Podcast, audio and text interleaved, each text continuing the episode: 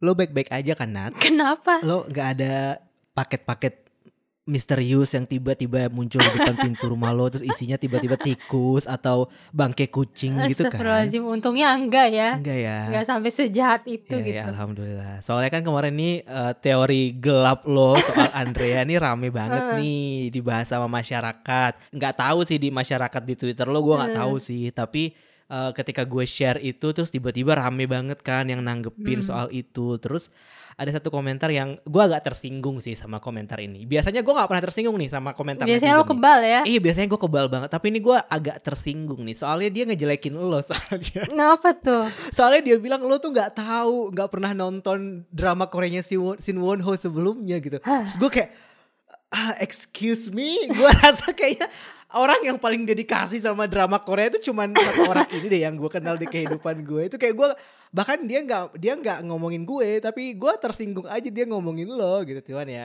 nggak apa ya namanya netizen. Tapi makasih ya berkat teori gelap lo soal Andrea kemarin kita berhasil masuk top daily. Eh enggak ding, eh, top daily ya sama top 200 podcast Spotify. Alhamdulillah ya kak. Di balik bencana selalu membawa berkah. Nah inilah yang disebut dengan eh, pasiennya Sokyong kemarin orang baik tuh biasanya dikasih beban. Oh gitu. iya benar. Itu salah satu uh, quote favorit yang sudah gue upload ke Instagram gue. Sama gue juga udah gue upload tapi nggak gue bingkai Eh. aja sih udah gue upload aja ke Twitter gue kayak Wah, episode 2 Hospital Playlist apa yang lo temukan? Teori gelap apa lagi yang akan bikin eh, netizen benar-benar akan mengirim bangkit tikus ke depan rumah lo nih sekarang? Ampun pak, gue kayaknya ini dulu deh, jeda dulu deh. Sampai akhirnya gue mengumpulkan proposal bukti yang konkret gitu kan. Sampai akhirnya gue lempar ke muka kalian. Nih, lihat nih apa kata gue.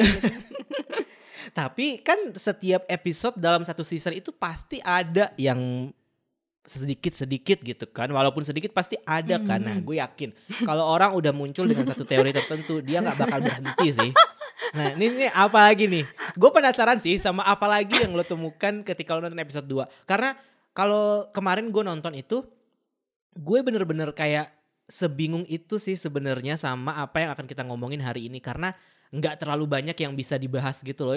Gua rasa episode 2 ini masuk ke em, salah satu episode lempeng lah Hmm. sepanjang 12 episode nanti Hmm, mungkin gitu. Sejauh ini ini lempeng banget yang kayak ya udah gitu. Sebagai penonton awam kan Hmm. gitu nih. Nah, tapi sebagai penulis skenario gimana nih?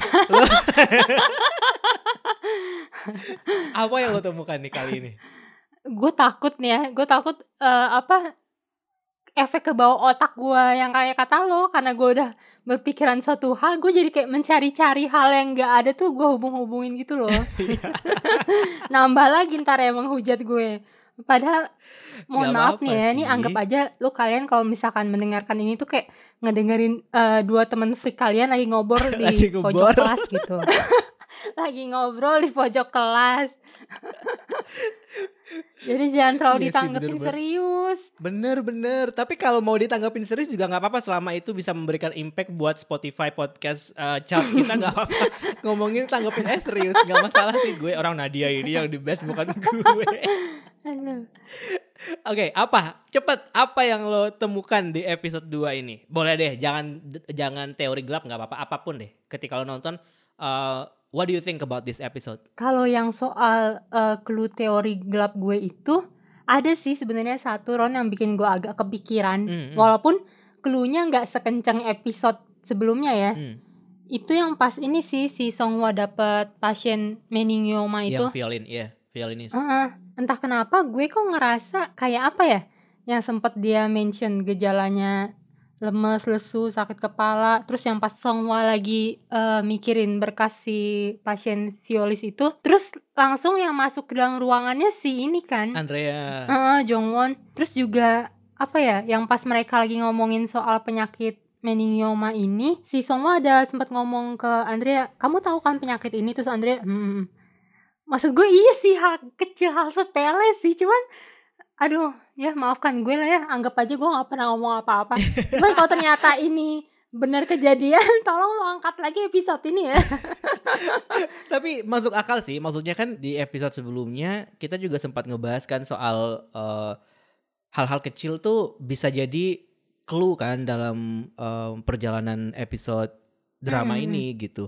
Dan sebenarnya kalau menurut gue ya masuk akal masuk akal aja sih. Tapi balik lagi ke itu tadi karena emang dari awal lo udah punya teori sendiri, jadi mau nggak mau lo akan cari-cari Iya, terus iya. gitu. Mohon maaf ya Gak apa-apa. tapi ketika lo share ke gue, gue juga ngerasa kayak, oh, oh iya juga sih. Kenapa waktu itu yang available tuh cuman Jongwon yang masuk ke ruangan Mm-mm. itu gitu. Kenapa nggak Ikjun duluan aja yang masuk baru Jongwon terakhir? Kenapa Songhwa nggak ngomongnya sama Ikjun aja bukan malah sama Jongwon gitu kan? Bisa jadi sih. Itu itu wajar sih gua rasa ininya eh, overthinkingnya. Terus terus terus. Terus yang waktu abis dia masuk itu kan juga ngomongin ini kan soal kenapa Songwa tetap eh, ngotot pengen jadi eh, malaikat penolong gitu walaupun si Jongwon udah sembuh kayak kayak apa sih kayak mau ngomong enggak kamu sebenarnya masih akan membutuhkan aku sebagai pengganti gitu loh otak gue jahat banget juga Sesakit sih itu ya. Ya gue. sakit sih kayaknya nggak itu. nggak jahat gue juga gue juga ada nih teman gue di Instagram yang bilang berdoa semoga teori gue salah gue juga berdoa itu gue Ah. memikirkan ini tapi gue sebenarnya ya semoga teori gue salah cuman nggak tahu kepikiran aja gitu loh Iya iya. Eh tapi gue lupa deh. Jadi sebenarnya waktu itu awalnya di season 1 itu kenapa sih si Andrea butuh pengganti untuk menjadi malaikat penolong? Gue lupa. kan ya. dia mau pergi sebagai ini pastor Oh jadi Heeh. pastor ya. Jadi dia butuh pengganti. Oh iya sih bener. Dan sekarang Songhwa tetap mau untuk melanjutkan si malaikat eh, pelindung Hmm, ini hmm, kan, nggak mengembalikannya ke Jongwon gitu. Iya iya iya. Berarti dengan teori lo itu Songhwa tuh udah tahu berarti tentang sakit-sakitnya Jongwon. Udah tahu belum sih? Dari season 1 gue lupa deh Nah detailnya. itu dia. Gue nggak tahu deh. Eh, bener nggak nggak ngerti deh gue apakah akan dijadikan plot twist atau gimana. Hmm. cuman nggak tahu ya gue kayak merasa ada sesuatu aja. Udah itu doang please jangan hakimi gue. Gue juga ketakutan dengan teori gue sendiri. Tapi kayaknya kalau memang Songhwa ngotot mungkin dia tahu sesuatu mungkin. Tapi kita ya since ini juga eh, dramanya bukan drama yang tipe seperti drama Korea pada umumnya yang kita akan tahu Mm. eh, sesuatu yang mengejutkan dengan cara yang mengejutkan juga. Jadi ya udah sih harusnya jalanin aja Iya. sih kata gue. Dan teruslah curiga sih Nat. terus nggak apa ya Ron Mm-mm. hak semua orang untuk curiga terus gue nggak tahu deh episode ini menyadarkan gue bahwa sehebat apa pun dokter-dokter mereka pasti akan eh, punya momen suatu saat di mana nggak bisa apa ya membantu si pasien gitu Mm, mm, mm, kayak yang terjadi sama si Sokyong kan Iya iya. Iya itu juga sih salah satu hal yang menurut gue eh, jadi highlight di episode ini adalah tema soal em, sisi manusiawi dokter di bagian itu sih. Kayak gue ngelihat Ikjun kan selama ini dokternya tipe yang santai Hmm. banget kan yang kayak idola semua pasiennya gitu yang kayaknya orang pengen dia gitu buat ditangani sama dia gitu bahkan di kalangan dokter pun kayak Gyoul juga senang banget kan partner sama Hmm. dia gitu tapi di satu momen ketika si bapak-bapak pemabuk itu muncul dan dia udah kayak kehabisan kesabaran gitu gue jadi melihat sisi lain dari Ikjun gitu loh yang selama ini kan sebenarnya orangnya baper kan Hmm. orangnya gampang tersentuh gitu Hmm. tapi masuk akal banget sih waktu yang dia marah kayak ya ngapain gue minta ngapain gue nyelamatin orang yang gue tahu akan sakit lagi gue sih menangkapnya Iya. gitu ya kayak ngapain gue repot-repot nolongin dia kalau ntar pada akhirnya dia juga balik lagi ke sini sakit lagi gitu maksud gue gue nggak tahu ternyata dokter tuh punya sisi seperti itu juga Hmm. gitu kayak kan selama ini kita mikir ya kan lo dokter lah harusnya lo mau-mau aja dong namanya lo butuh orang lo lo harus menyelamatkan atau membantu orang dong kan lo dokter Hmm. gitu tapi ketika Ikjun yang ngomong kayak gitu gue ngerasa kayak bahkan dokter sebaik Ikjun aja udah lelah anjir gitu. Kayak gue juga kayaknya orang yang ambang batas emosinya cuman dua dari sepuluh kayak gue juga kayak ya jadi gue kayak gitu deh. Kayak ngapain? Udah buang-buang duit udah Yulji nggak bisa pakai BPJS lu mabuk-mabukan lagi kan tuh kayak nyebelin banget ya. Gue jadi istrinya udah tembak kali itu orang. Kayak nyebelin asli. Kayak kesel banget gue lu udah kayak udah udah udah anak udah dua berkorban donor iya. liver gitu terus lu seenaknya mabuk-mabukan sampai jam 2 pagi kayak kan lu geblek Iya, iya. Iya, gue juga kesel banget sih sama bapak itu. Kayak di sisi lain kan kita eh, back to back sama case-nya pasien si Sokyong kan yang kayak berusaha semaksimal mungkin gitu untuk mempertahankan anaknya melakukan apa pun. Hmm. Sedangkan di sini ada bapak-bapak nggak tahu diri yang buang-buang livernya anak gitu kayak Wah dunia ini memang penuh ironis sih. Iya, terus mana si Ikjun kan juga ngomongin yang kayak ya kita harus nunggu orang pasien mati otak dulu buat bisa ngegantiin lo untuk jadi donor Hmm. gitu. Dan ya make sense banget sih kayak ya orang juga kasihan kali kalau cuman didonorin untuk orang yang tidak bertanggung jawab gitu maksud gue kayak wah tapi itu sih gue nggak nyangka dia akan akan bisa semeledak-ledak itu sih sebenarnya kayak udah ya udah sampai di titik di mana dia yang kayak udahlah gue nggak mau lagi ngurusin orang ini. Kan dia bilang kayak ganti aja deh ganti klinik aja Iya, gitu iya. kan. Dia bilang ke saya "Ru- rujukin aja deh ke klinik terdekat. Maksudnya kalau misalkan gue ngebalikin ke kondisi gue gitu ya misalnya kalau gue yang jadi pasiennya gitu ya reaksi gue persis sama sama si bapak-bapak itu sih. Kayak Iya maafin dok saya berjanji tidak akan lagi melakukannya. Tapi apakah iya benar akan gue berjanji dan akan menjalankannya gue juga nggak tahu gitu. Kayak karena kan nggak ada nggak ada yang bisa memastikan itu kan Lagi pula masalahnya ini urusannya sama alkohol gitu Alkohol Mhm. itu kan edik Hmm. kan adiktif kan dan eh, lo hidup di negara yang memang culture minumnya tuh kenceng banget jadi gue rasa Ikjun juga make sense juga sih yang kayak "Hmm, ngapain gue ngebantuin lo demi mabuk-mabukan lagi gitu itu sih gue itu momen yang kayak gue nggak nyangka aja Ikjun bisa bisa keluar sisi itunya Kalau gue gitu. nyangka sih, karena orang yang paling banyak ketawa tuh biasanya kadang lebih sensitif sih kayak Ikjun. oh wah luar biasa gue notice loh waktu dia pas ngomong eh, ke bapak itu suaranya bergetar, iya iya iya, iya. ya kan? Mungkin kalau sekedar bapak itu sakit sendirian dia nggak akan semarah ini gitu. Masalahnya dia menghargai dia aja yang bukan siapa-siapa sangat menghargai bahwa anak-anak di si bapak ini tuh udah bersedia buat donor loh walaupun itu bukan kewajiban mereka Hmm. mempertaruhkan nyawa mereka gitu kan buat si bapak. Iya iya iya. Iya iya dia sampai ngebahas itu. Betul sih. Itu juga sih kayak dan ketika awal si dokter apa si pasien itu mau masuk, dia juga sempat agak ragu kan Mm, yang kayak ah apalagi siapa si, iya siapa nih habis ini? Ya dia lagi nih si anjing gitu kan kayak. Iya iya sih bener-bener. Dan itu sih gue melihat eh, kita diajak untuk banyak berkontemplasi soal masalah-masalah per dokter di karakter utama di sini sih Em, di episode 2 ini dan ya memang nggak terlalu banyak konflik yang terlalu em, apa ya yang yang terlalu wah gitu karena kayaknya memang rahasia-rahasia yang ingin kita tahu dari season sebelumnya itu udah terjawab semua kan di episode Hmm. 1 kan. Walaupun ada detail-detail yang kayak Ik- Iksun sama Junwan mungkin yang masih yang masih belum gitu.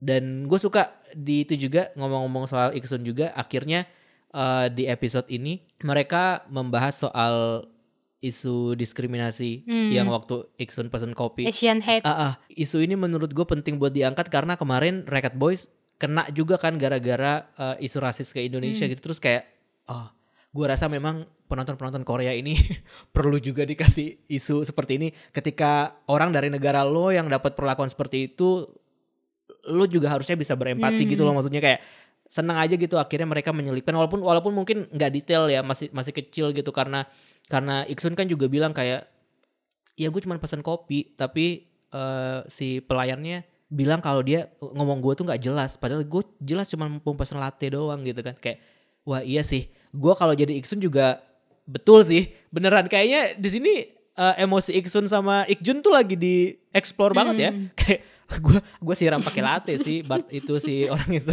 kayak apaan sih kan gue jelas-jelas bilang latte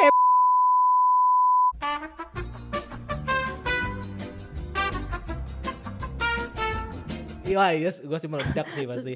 Iya sih. Tapi walaupun di Hospital Play season pertama mereka juga agak rasis ya tampaknya ya. Yang waktu itu ya pasien Indonesia. Iya, Iya digambarkan kumuh terus miskin terus yang kayak iya, iya. ah ya sudahlah. Ya nggak apa-apa bebas bebas. Indonesia juga kalau buat eh, sinetron sendiri suka membangga-banggakan diri sendiri kan. Iya, iya, udah padahal sinetronnya juga gak bagus-bagus amat sebenarnya. Tapi benar sih, maksudnya kayak eh, harus ada angle, harus ada angle itu sih. Kalau menurut gue ini eh, apa ya? Gue nggak tahu apakah ini akan pada akhirnya membuat orang-orang penonton lokal domestik di sana berkontemplasi soal isu seperti itu gitu. Tapi ya setidaknya adalah yang membahas dan itu drama yang Hmm. populer gitu. Jadi ya oke lah gitu. Cukup cukup inilah cukup cukup fresh eh, di luar dari konflik dokter-dokter yang lain gitu. Terus apa lagi yang lo lihat di sini? Menurut lo reaksinya si Junwan yang kayak diem gitu pas denger teleponnya Iksun itu dia mikirin apa? Dia mikirin dia merasa bersalah karena dia nyerocos. Oh gitu ya. Di sisi lain soal ngebahas isu rasisme, kayak gue menangkap sesuatu yang lain deh. Apa tuh? Wah, keren banget lu ya. Sebelah sih, maafkan ke overthinkingan ini. Kayak apa ya? Nggak tahu mungkin pelan-pelan gue mencium bau-bau kebocoran kapal gitu. Kebocoran. Ke- gimana? Gimana? kebocoran kapal. Jadi kayak mereka kan lagi LDR kan. Ah. Dan LDR itu kan salah satu ini pentingnya kan komunikasi kan. Hmm. Terus kayak gue ngerasa kok eh, mereka kayak dibikin ini ya komunikasinya semakin sulit gitu. Hmm, hmm, hmm. Kayak ya Iksun lagi dengan problemnya sendiri gitu. Terus Junwan di sini ada masalah apa cuman dia jadi nggak bisa terbuka bertukar pikiran karena dia juga di sana nggak ada buat Iksun kayak apa ya? Pelan-pelan rasa bersalah kayak gini tuh berbahaya sih buat hubungan. Oh, jadi ketika Junwan ngomong dan tadi yang lo bilang dia tiba-tiba diem itu lo merasa bahwa dia juga sedang berkontemplasi dengan hubungannya gitu dengan dengan masalah komunikasi di antara mereka Hmm. gitu. nggak tahu ya kalau misalkan episode Wow. depan masih ada hubungan telepon yang tidak terselesaikan yang keputus-keputus kayak gini lagi sih mungkin emang arahnya ke sana cuman kalau ternyata nggak baik-baik aja ya gua aja yang overthinking Iya, sih. karena gue juga waktu itu waktu adegan itu si Junwan nelpon tuh kan nggak basa-basi kan. Hah, Dia yang kayak langsung nyerang gitu yang kayak iya eh, menceritakan tentang apa yang terjadi di kehidupan iya dia masing-masing tentang aku gitu bukan tentang kamu gimana gitu. Iya, apa iya, betul betul betul. Tapi mungkin kalau langsung putus menurut gue mungkin enggak, tapi mungkin berantem kali ya. Berantem yang sampai pada akhirnya yang memaksa salah satu di antara mereka harus kembali untuk menjelaskan. Enggak kembali itu mungkin Junwannya nyusul atau gimana untuk menyelesaikan gitu. Kalau menurut gue nggak belum sampai yang kayak putus Iya. atau gimana sih. Karena gue merasa hubungan mereka tuh di awal dari Dewasa awal tuh udah sih. sangat dewasa banget sih Hmm. dan dan soal LDR pun juga kan sebelum dia LDR pun dikomunikasikan kan sebenarnya gimana si Iksun mau kuliah dan segala macam kan dia komunikasikan kan ke Junwan nggak nggak bukan sesuatu yang yang keputusan yang egois gitu menurut gue jadi mungkin untuk yang satu ini lo overthinking sih Ya oke, oke gue terima nggak apa-apa. Semoga gue overthinking. Iya iya iya iya. Dan salah satu hal yang perlu di overthinkingin lagi itu sebenarnya adalah eh, permasalahan itu em, pasiennya Songhua itu Oh, sebenarnya. kenapa? seneng aja gitu mereka mengangkat isu bahwa nggak semua dokter bagus itu adalah dokter yang Tua. itu sih gue gua eh, nang dapat banget sih momen itu menurut gue dan eh, ditambah lagi karena orang yang meng-underestimate dokter residen adalah orang kaya Hmm. gitu kayak gue rasa dapat aja deh itu penggambarannya dan di situ Songhua bener-bener Avengers banget sih ya Nih, semua my Kayak- love. gue Iya gue pengen deh punya senior kayak dia gitu. Maksudnya dia ketika waktunya dia harus ngajarin juniornya dia ngajarin ketika dia waktunya harus tegas dia tegas. Tapi ketika dan ketika dia juga merasa harus melibatkan junior juniornya dalam dalam sebuah eh, momen yang orang-orang pikir itu adalah pencapaian dia tuh kayak we need more people like Songhua gitu. Leader dia tuh leadership Wah. itu kayak cool banget gitu, Gua wah banget dan Nusuk banget sih yang pas bagian itu. Yang pas semua alasan dia nggak mau diwawancara. Iya. Dia pengen ya satu tim karena ini kerja keras tim gitu kan. Iya iya iya. Gue kayak langsung mengenang masa lalu gue. Ah, kenapa gue gak punya bos kayak semua? iya, gue ketika itu kayak gue posisi gue adalah di si Sonbin sih waktu itu. Itu gue gue bahkan tidak memposisikan diri gue sebagai penonton waktu itu. Gue posisi gue di Hmm. Sonbin sih. Kayak wah gila kalau gue ngedenger itu gue terbang sih kayak Iya. Wah wah Iya. gue itu luar biasa banget. Dan gue suka banget waktu adegan si Songhwa bilang ke ibu pasien yang kayak ya saya Che Songhwa. Terus kayak dengan tenang Iya. ya. Terus drama ini tuh nggak ada yang zoom in zoom Iya, out, iya zoom in zoom out gitu kayak, kayak, kayak, ya udah gitu, ya saya semua gitu.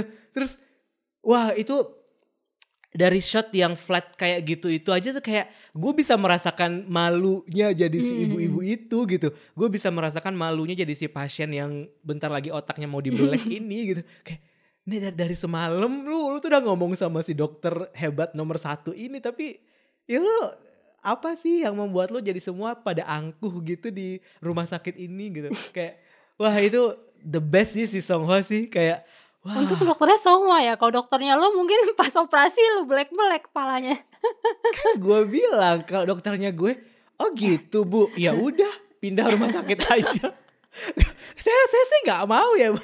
ya gue sih gitu gue kan anaknya jahat nggak nggak punya mental kayak Song Hwa iya, gue kita kan jahat. Terus habis itu sempat-sempatnya lagi si ibu itu nawarin ini anaknya buat dijodohin. Iya, Sumpah iya. nggak punya malu. gue dijodohin kayak kayak lu kemarin aja ya kayak gue abis itu kalau gue jadi Hwa ibu udah kemarin aja merendah-rendahkan saya dan, dan tim saya sekarang ibu mau menjodohkan saya Ibu pikir saya perawan tua, saya nggak perlu dijodohin.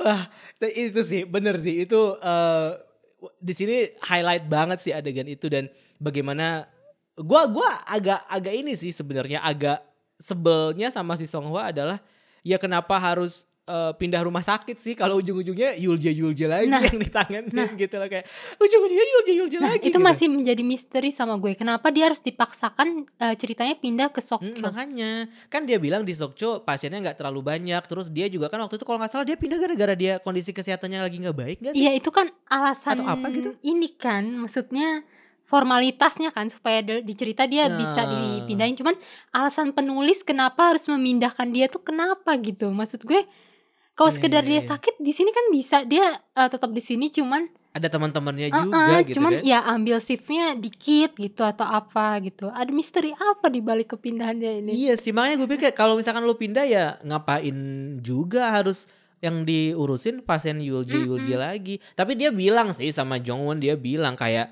ya gue suka kok ngurus pas- pasien VIP gitu kan karena eh, kontraknya kan gajinya banyak bayarannya Hmm. banyak gitu dan eh, Song Hwa kan tipe yang kayak di awal dibilang kayak iya baru punya mobil Hmm. baru gitu kayak oh gue udah nabung lama nih buat ini gitu. Jadi kan eh, emang kesan bahwa hardworking dan yes kita memang harus dedikasi dan tapi uang juga jadi kebutuhan yang Hmm. utama gitu. Itu udah udah jadi udah jadi garis bawah banget kan buat dokter-dokter ini karena semuanya gua rasa bukan orang-orang yang gengsian soal uang gitu kayak iya kita semua butuh Hmm. uang gitu. Dan ya kalau Jongwon nawarin pasien VIP kita dapat bayaran banyak ya ya mau-mau aja gitu. Tapi bener sih yang tadi lo bilang kayak kenapa harus dipindahin ke Sokcho itu sih.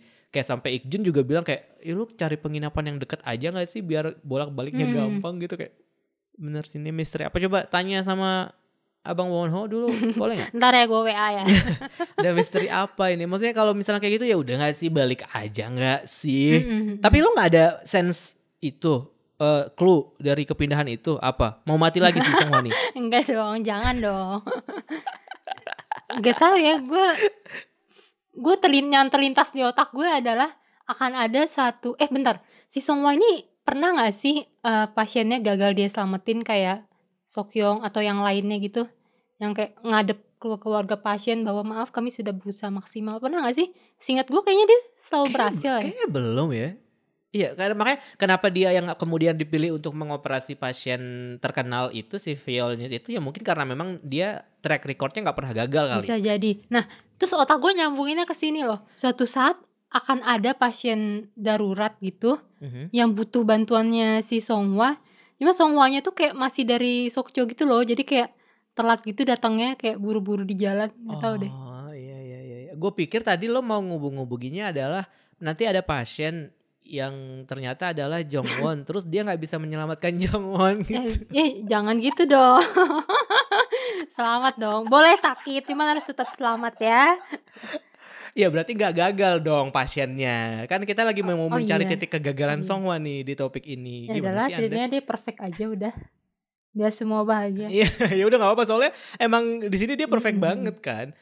Kayak ya udah gitu terus. Kekurangan dia cuman kadang makan nggak tahu diri. Iya, tapi gue iri sih sama orang yang kayak gitu kayak makan semaunya tapi badannya gitu-gitu aja Iya. gitu.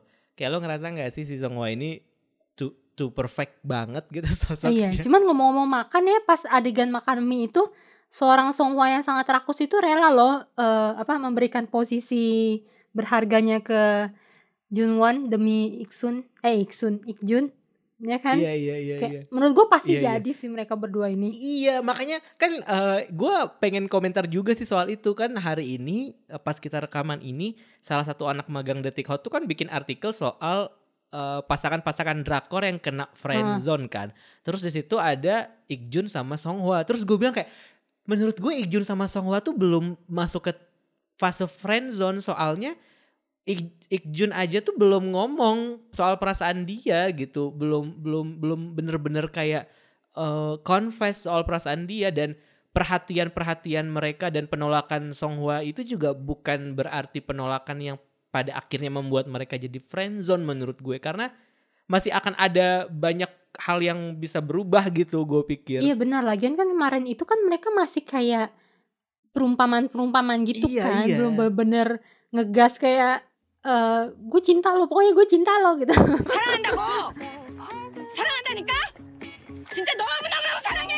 Bahkan bahkan untuk untuk uh, Ikjun tuh sehati-hati hmm. itu loh buat pendekatan dan berusaha untuk mengungkapkan perasaannya dia Hmm. itu gitu. Bahkan dia harus pakai perumpamaan segala macam walaupun mungkin Songhwa udah sense sih ada ada perhatian itu. Tapi dia pun membalasnya dengan perumpamaan juga kan dengan konteks yang Ikjun lempar Hmm. gitu. Dan menurut lo yang ngasih kopi terakhir tuh siapa? Ikjun Ikjun lah kan siapa lagi? The one and only. Makanya gue pikir kayak itu tuh dan dan Songhwa tuh berasa kayak udah tahu itu dari Ikjun gitu tidak tanpa perlu mempertanyakan maksudnya sahabat dia nggak cuma Hmm. Ikjun loh di situ sahabat dia empat Hmm. cowok loh di situ tapi senyumnya Songhwa tuh kayak senyum yang akan dia kasih buat Iya. Ikjun gitu loh buat kejutan-kejutan begonya yang yang Ikjun kasih gitu kalau menurut gue Iya, karena kan apa ya? Ya selalu Ikjun gitu yang bikin Songwa jadi ketawa karena hal-hal bodohnya kan. iya makanya Jadi sih. kayak gue rasa mereka akan jadi sih walaupun ya mungkin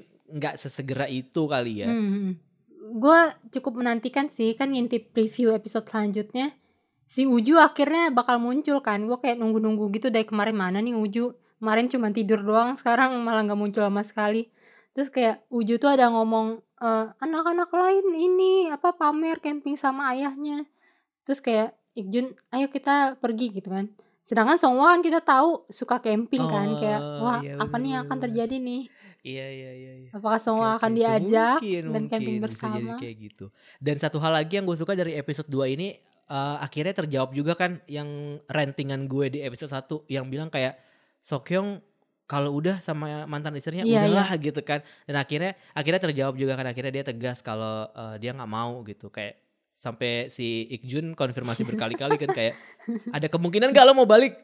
Nihil no no yong yong gitu kayak gak ada. Dan itu gue senang sih maksudnya eh Sokyong kayaknya bukan orang yang meledak-ledak gitu kalau dia pengen cerita gitu. Dan gua rasa make sense banget kenapa dia ngomongnya sama Ikjun gitu. Karena Ikjun kan ganggu ya Iya. kalau misalnya lagi kepo tuh kan ganggu Hmm. banget gitu. Dan pas aja gitu ketika Ikjun yang interogasi kayak gue kepo aja kalau kata Ikjun gitu. Terus enggak gua nggak akan balik. Terus eh gue merasa nanti Ikjun akan mengem- akan kembali jadi mak comblang kayak Geul sama Iya, Andrea di sini. Jadi kayaknya mungkin dia akan yang eh, jadi glue atau lem antara Sokyong sama Chumina sih Asli sih itu yang scene di lift itu yang kayak di dalam lagi situasinya panas kan Mina ngeliat si Sokyong ada sama mantan istrinya. Ikjun masuk seenaknya dengan membuat lelucon aneh. Kayak wah. Tapi tapi memang setiap kali Ikjun masuk ke momen-momen awkward itu lagi iya jadi seru iya. tahu. Makanya dia mood banget sih memang. Paling nggak jelas adegan dia ngintip di pintunya Songhwa sih kayak apa sih? gitu apa sih ini orang mau ngapain I- sih makanya semua tuh apa ya dia sadar nggak sadar dia akan selalu menatap Ikjun sih dan membutuhkan Ikjun Iya makanya kan. Iya kan. Maksudnya kalau memang kalau memang dia merasa dia nggak butuh atau dia nggak belum yakin gitu soal perasaan dia, mungkin dia akan break Hmm. gitu ya. Kayak nggak mau ngeband dulu Hmm. atau nggak mau ke Yulja dulu atau apa gitu. Tapi kayaknya selama ini dia tuh fine fine aja nggak sih sama sama sama semuanya. Jadi tidak merasa itu sebagai sebuah beban sebenarnya buat dia. Iya, Makanya gue pikir kan tadi gue pikir kayak apa dia gara-gara itu ke Sokcho emang pengen Menghindari, ngejaga iya, iya. jarak atau gimana iya kan tapi kalau ujung-ujungnya mereka ngeband tiap minggu sama aja nggak sih mereka ketemu-ketemu juga gitu maksudnya Iya makanya gue yakin Songhwa tuh kayak cuman ngerasa hati-hati aja gimana sih lo kayak berusaha melewati comfort zone lo yang sudah lo tinggali selama bertahun-tahun gitu. Hmm, terus kayak aduh takut nih ntar hasilnya kayak gimana ya ntar eh, kalau malah bikin suasana jadi nggak enak ya udahlah kayak gini aja gitu loh. Iya butuh butuh ini aja kan sebenarnya dia butuh Yakinkan, diyakinkan aja iya. bahwa semuanya tidak apa-apa gitu kan sebenarnya. Mm-mm. kalau lo sama Igjun juga sebenarnya nggak apa-apa bagus. Jadi Nadia juga nggak ada teori-teori gelap lagi gitu dan mungkin eh, dengan Jongwon apa terbuka bahwa dia pacaran dengan rekan sesama dokter akan pelan-pelan memulai apa membuka hati Songhwa kali ya kayak nggak apa-apa kok ya udah sih pacaran aja gitu ya nggak sih Hmm, Iya sih sebenarnya. Nah ini kayaknya seru nih kalau dilempar aja ke pendengar kali ya. Menurut pendengar ngedrakor, lo lebih suka Songhwa jadian sama Ikjun atau Songhwa sama Ikjun tetap temenan aja gitu? kayaknya nggak ada deh yang bakal eh masih ada sih yang ngomong Sa- siapa tahu temenan. ada Iya, loh. iya, Siapa tahu ada yang ada sudut pandang yang kayak iya mendingan berteman aja iya. karena iya sih berteman pun sebenarnya sweet sweet aja gitu. Nggak nggak bukan sesuatu yang buruk juga gitu. Karena ini tuh kayak nih gue nyambung ke series lain sih tapi ya jadi di I Told Sunset About You itu ada juga nih per- dalam pertemanannya itu ada yang pacaran. Terus eh, tiba-tiba satu yang pacaran ini tuh berantem terus teman yang lain ngomong kalau nanti mereka putus lo yang ngurusin si ini ya gue yang ngurusin si itu. Terus gue kayak mikir anjir nih kalau dalam konteks hospital jadi playlist ribet deh iya kayak mau mihak nih siapa misalnya mau memihak siapa? Karena kan kita tahu mereka dekatnya sedekat itu gitu. Terus kayak "Ah, ya juga ya gitu. Makanya jadi kayaknya kita lempar ke masyarakat aja deh. Kan netizen selalu benar nih katanya. Hmm. jadi coba kita tanya netizen. Menurut lo lo lebih suka Songhwa sama Ikjun pacaran atau Songhwa sama Ikjun udah temenan aja gitu? Ya, coba buka Kalau polling Ron kita lihat berapa persentasenya. Kita lihat berapa persentasenya. Hmm. coba nanti kita buka polling di detik hot ya. Hmm. kita minta izin dulu sama tim sosmed. Kita minta izin dulu. Overall sih episode 2 lempeng-lempeng aja. Terlepas dari em, sedikit konflik yang terjadi antara dokter-dokter ini dan juga kita kehilangan momen Winter Garden sih di sini nggak ada ya episode ini ya. Episode Kayak- depan sih tar tapi ada ada dikit waktu adegan mau pesan kopi di awal yang Oh, Ikjun iya. kartu kreditnya dipakai. Iya parah sih. Lo sarapan pakai daging sapi. Itu kocak banget sih Tapi itu kocak banget. Kayak Wah tapi iya sih. Lo kalau dikasih kartu kredit Ikjun Gue sih langsung Langsung ke Plaza Indonesia sih gue. Langsung beli macam-macam sih gue di Plaza Indonesia Dan gue suka saat si apa kejadian si Jongwon dan Junwan apa nguras kartu kreditnya Ijun tuh di situ ada si Gyeol Hmm. gitu. Kayak dia ngeliat sisi lainnya si Jongwon tapi dia kayak tetap dengan tatapan cinta Iya gitu iya loh. Dan itu juga kayak momen di mana kayak Kita nggak boleh ada yang tahu kita pacaran nih Terus kayak gue jadi Gyeul Gue gemes sih Pengen nyubit Andreas nih kayak Aduh gemes banget sih gitu Tetap ya. Andrea Tapi untungnya nggak gitu ya. Iya, Andrea tetap dengan eh, kemiskinannya. walaupun walaupun dia yang punya rumah sakit tetap dengan kemiskinannya gue ya salut sih sama orang-orang ini. Kok Iya. bisa gitu? Kapan aku jadi anak angkatnya Andrea gitu? Kenapa harus jadi anak angkat? Ya nggak bisa dong jadi anak beneran. Saya udah 30 tahun. Umur saya beda 10 tahun loh sama dia.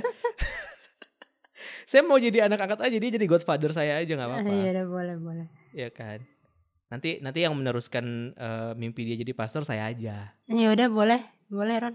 ya kan tapi Hmm. nanti pas dia meninggal warisannya buat saya ya Who are you? Ada Gyeol. Enak aja lu mau merampas harta Gyeol. oke deh kalau gitu thank you teman-teman buat yang udah dengerin ngedrakor hari ini dan jangan lupa untuk kasih komen di aplikasi Good Pods kalau kalian dengerin di Good Pods dan gue baru tahu loh kemarin eh, ngedrakor tuh ada juga di Audible gue kayak kaget loh kok tiba-tiba kita ada di Audible ya gitu Oh gitu. Jadi, Iya, jadi ternyata oh Wah. sampai juga ke sini. Jadi kalau misalkan kalian selama ini pakai Audible dan pengen dengerin nggak drakor di Audible bisa loh guys, gratis di situ dan bisa kasih komen, bisa kasih rate juga di Good Pods juga bisa. Dan Mm-mm. ya, terima kasih hari ini kita aman dari semua teori gelap. Tenang aja. Sedikit aja tadi. Iya, sedikit aja jangan marah ya. Jangan marah ya. Kalau mau marah-marah mention aja at Nadia di Twitter dan di Instagram. Kenapa sih marah-marah?